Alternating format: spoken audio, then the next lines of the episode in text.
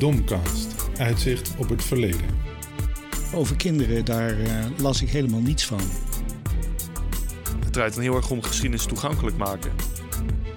Over uiteenlopende tijden ook. Het gaat eigenlijk alle kanten op van de Romeinse geschiedenis tot aan uh, de 20e eeuw, tot aan nu. Voor meer informatie over de podcast, volg ons op Facebook, Instagram en Twitter onder de naam Domcast Utrecht. Als u geïnteresseerd bent in de geschiedenis van Utrecht, dan heb ik zoiets leuks voor u. Studenten geschiedenis van de Universiteit Utrecht willen historische schatten opgraven en ze vervolgens delen met het grote publiek. Nou, daar wil ik wel meer over weten. Welkom bij Domkast, de allereerste aflevering. Mijn naam is Maurice, ik ben 24 jaar. Ik studeer geschiedenis. Ik doe de master cultuurgeschiedenis van modern Europa. En ik woon inmiddels sinds 2013 in Utrecht. Ik ben Robin. Uh, ik ben 20 jaar en ik ben derdejaars geschiedenis. Ik ben geboren en getogen in het mooie Twente, maar ik woon dus nu al uh, drie jaartjes in Utrecht, in Lombok. En uh, ja, wij gaan met z'n tweeën eigenlijk de podcast aan elkaar kletsen, de komende afleveringen. Ja, ja, wij nemen jullie mee in ons onderzoek en zullen vertellen wat we te weten zijn gekomen, wat we hebben ontdekt. En we zullen onze gasten introduceren. We hebben eigenlijk het bericht de wereld ingestuurd in januari van... nou, we zijn op zoek naar historische vragen uit Utrecht. En er was al een idee van, wat gaan we doen als er geen reactie komt? Wat als er niemand een vraag heeft, als alles al bekend is, wat gaan we dan onderzoeken? Nou maar dat uh, viel best wel mee eigenlijk. Ja, we hebben 70 uh, vragen in eerste instantie hadden we binnengekregen en dat liep nog door. Dus uh, ja, dat zijn echt superveel vragen. en veel. over uiteenlopende tijden ook. Het gaat eigenlijk alle kanten op van de Romeinse geschiedenis tot aan de 20e eeuw, tot aan nu. Dus super interessant. Ja, volgens mij was een van de vragen ook: wat, wat was er als eerste hier in Utrecht? Waar is het allemaal mee begonnen? Nou ja. verder terug in de tijd kan je bijna niet uh, met historisch onderzoek. Nee, het waren er dus zoveel dat we uiteindelijk moesten bedenken: wat gaan we nou. Welke vragen gaan we nou behandelen in die podcastafleveringen? En kwamen we op een soort thema uit waarvan we dachten: Nou, dit vinden we eigenlijk het allerleukste om dit te doen. En uh, een aantal andere vragen hebben we eigenlijk onder ons verdeeld. Ja, deze podcast is meer inderdaad alleen dan de podcast. Uh, we laten op Facebook, Twitter, Instagram van alles zien. Inderdaad, zoals je zei, we hebben zoveel vragen binnen gehad dat we niet allemaal een eigen aflevering kunnen geven of uitgebreid kunnen onderzoeken. Maar kijk vooral online en misschien vind je wel antwoord op de vraag die je hebt ingestuurd. We hebben vandaag al iemand in de studio. Thomas. Ja, hartstikke leuk dat ik er uh, vandaag bij kon zijn. Ik ben dus uh, Thomas, ik ben 24 jaar. Ik studeer nu vijf jaar in uh, Utrecht. Ik studeer nu mijn master cultuurgeschiedenis.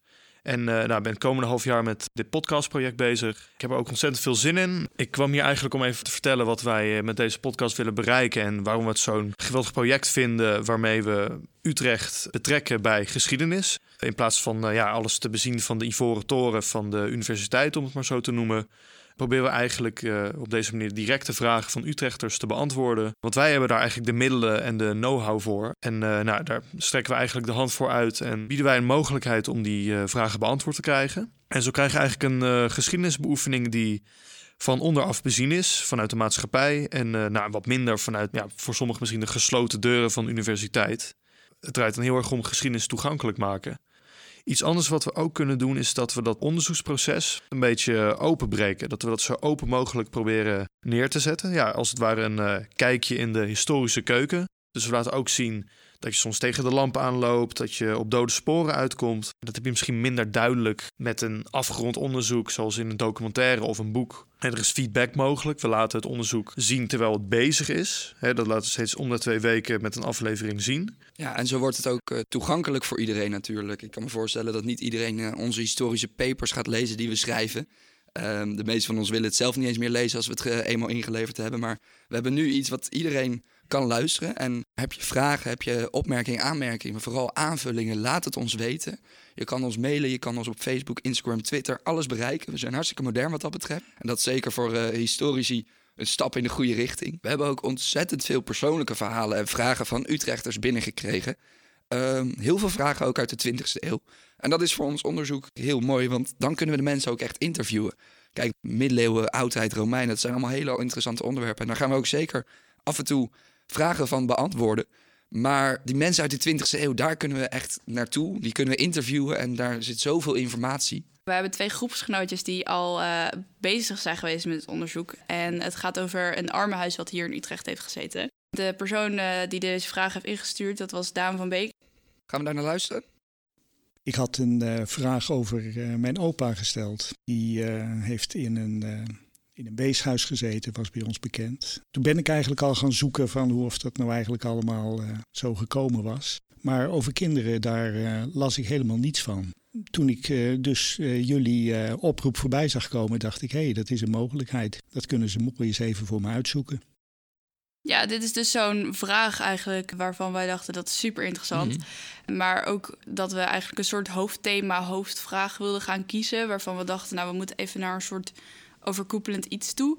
Ja. En nou ja, gezien het 75 jaar geleden is, ik bedoel... 75 jaar bevrijding. Ja, dus het is overal en nergens. De luisteraar ook, weet denk ik al waar we naartoe gaan. ja, want we hebben ook echt superveel vragen binnengekregen uh, over de Tweede Wereldoorlog. Ja, heel veel. Ja, waar, waar gaan we antwoord op geven? Nou, we zijn in ieder geval begonnen met twee vragen eigenlijk, waarvan we dachten, nou, daar kunnen we eigenlijk meteen al iets mee. Omdat het gaat over eigenlijk twee huizen. Loes Donkers die had een vraag gestuurd over haar huis waar uh, hele rare sloten uh, in huis zaten. En toen ze daar gingen wonen, hebben ze daar nazi-propaganda gevonden. Ja, want die sloten die zaten aan de buitenkant van deuren, toch? Alsof er iemand misschien opgesloten heeft Ja, gezeten. precies. Dat is eigenlijk een beetje wat zij ook dachten. Loes en, uh, en haar partner die hebben ooit gesproken met een vrouw die daar woont heeft. Nou ja, die, die wist ook dingen te vertellen. Kiki en uh, Luca die zijn er vooral mee bezig ja, geweest. Kiki en Luca die werken mee met ons project. Ja, en die, uh, nou ja, die, die weten daar nog meer van dan, dan ik. En ik was zelf bezig geweest met uh, een vraag van Luc. En hij is net pas komen wonen aan een huis in de Voorstraat met enkele voormalige studenten. En zij, nou ja, boven dat huis, als je door de Voorstraat fietst, mm -hmm. dan zie je dat ook wel. Er staat zeg maar uh, hotel boven in glas en lood. Okay, waar, waar, zit dat huis ongeveer? Dan, dan misschien uh, dat we er uh, op kunnen letten als we er weer langs fietsen. Ja, het zit een beetje aan het begin. als je vanaf Neuden komt dus, en het zit tussen de, tussen de Ethos en de Albert Heijn in, ah, zeg maar. Okay. En nou ja, in glas en lood staat er dus hotel boven. Dus hm. nou ja, toen zei alle bewoners die denken ook van, nou ja, daar zal vast wel... Ja, daar zal een hotel hebben gezeten. Precies. Nou ja, en, en het verhaal wat daar eigenlijk altijd is rondgegaan... is dat daar in dat hotel joden ondergedoken hebben gezeten. En ja, daar wilden ze wel eens het fijne van weten, als het ware. En nou ja, Luc zei ook al tegen ons van, nou ja, weet je, jullie hebben de skills en de know-how en wij niet. Wij hebben dit alleen het internet. Dus uh... ja, dat is precies eigenlijk waarom we dit project ook zijn gaan doen natuurlijk. Dit is een voorbeeld van een hele mooie vraag hoe wij mensen verder kunnen helpen. Want ze hadden dus al zelf onderzoek gedaan. Ja, ze hadden zelf al een beetje ja, op internet gezocht. Nou ja, ook wat boekjes gelezen. En er was één huisgenoot die wist er heel wat van. Uh, die hebben we ook aan de telefoon gehad. Dus ja, dat is, dat is gewoon heel interessant. Ze wisten zelf ook niet zo goed meer wat ze ermee aan moesten. Dus toen ze dit voorbij zagen komen, toen dachten ze... nou, dat is uh, top. Heb je vragen of opmerkingen? Dan kun je mailen naar info.domkast.nl We zijn ook te bereiken via Facebook, Instagram en Twitter. Je kunt ons daar vinden onder Domkast Utrecht. Beluister je ons via Spotify... Vergeet ons dan niet te volgen, zodat je ons makkelijk terug kan vinden voor de volgende aflevering. Wil je meer weten over de vraag van Daan van Beek? Hou dan onze site in de gaten. We zullen daar een speciale aflevering plaatsen waarin we antwoord geven op zijn vraag. De volgende aflevering van Domkast verschijnt over twee weken. Daarin zullen we onder andere doorgaan op het voormalig hotel aan de Voorstraat.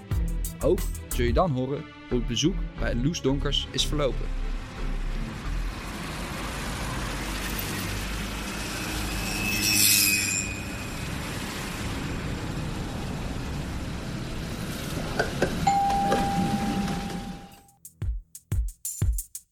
Bedankt voor het luisteren naar de eerste aflevering van Domkast, Uitzicht op het Verleden. Deze aflevering werd mede mogelijk gemaakt door Community Service Learning, de Universiteit Utrecht, het Utrechts Archief, Hans Schuurman en Katinka Beer.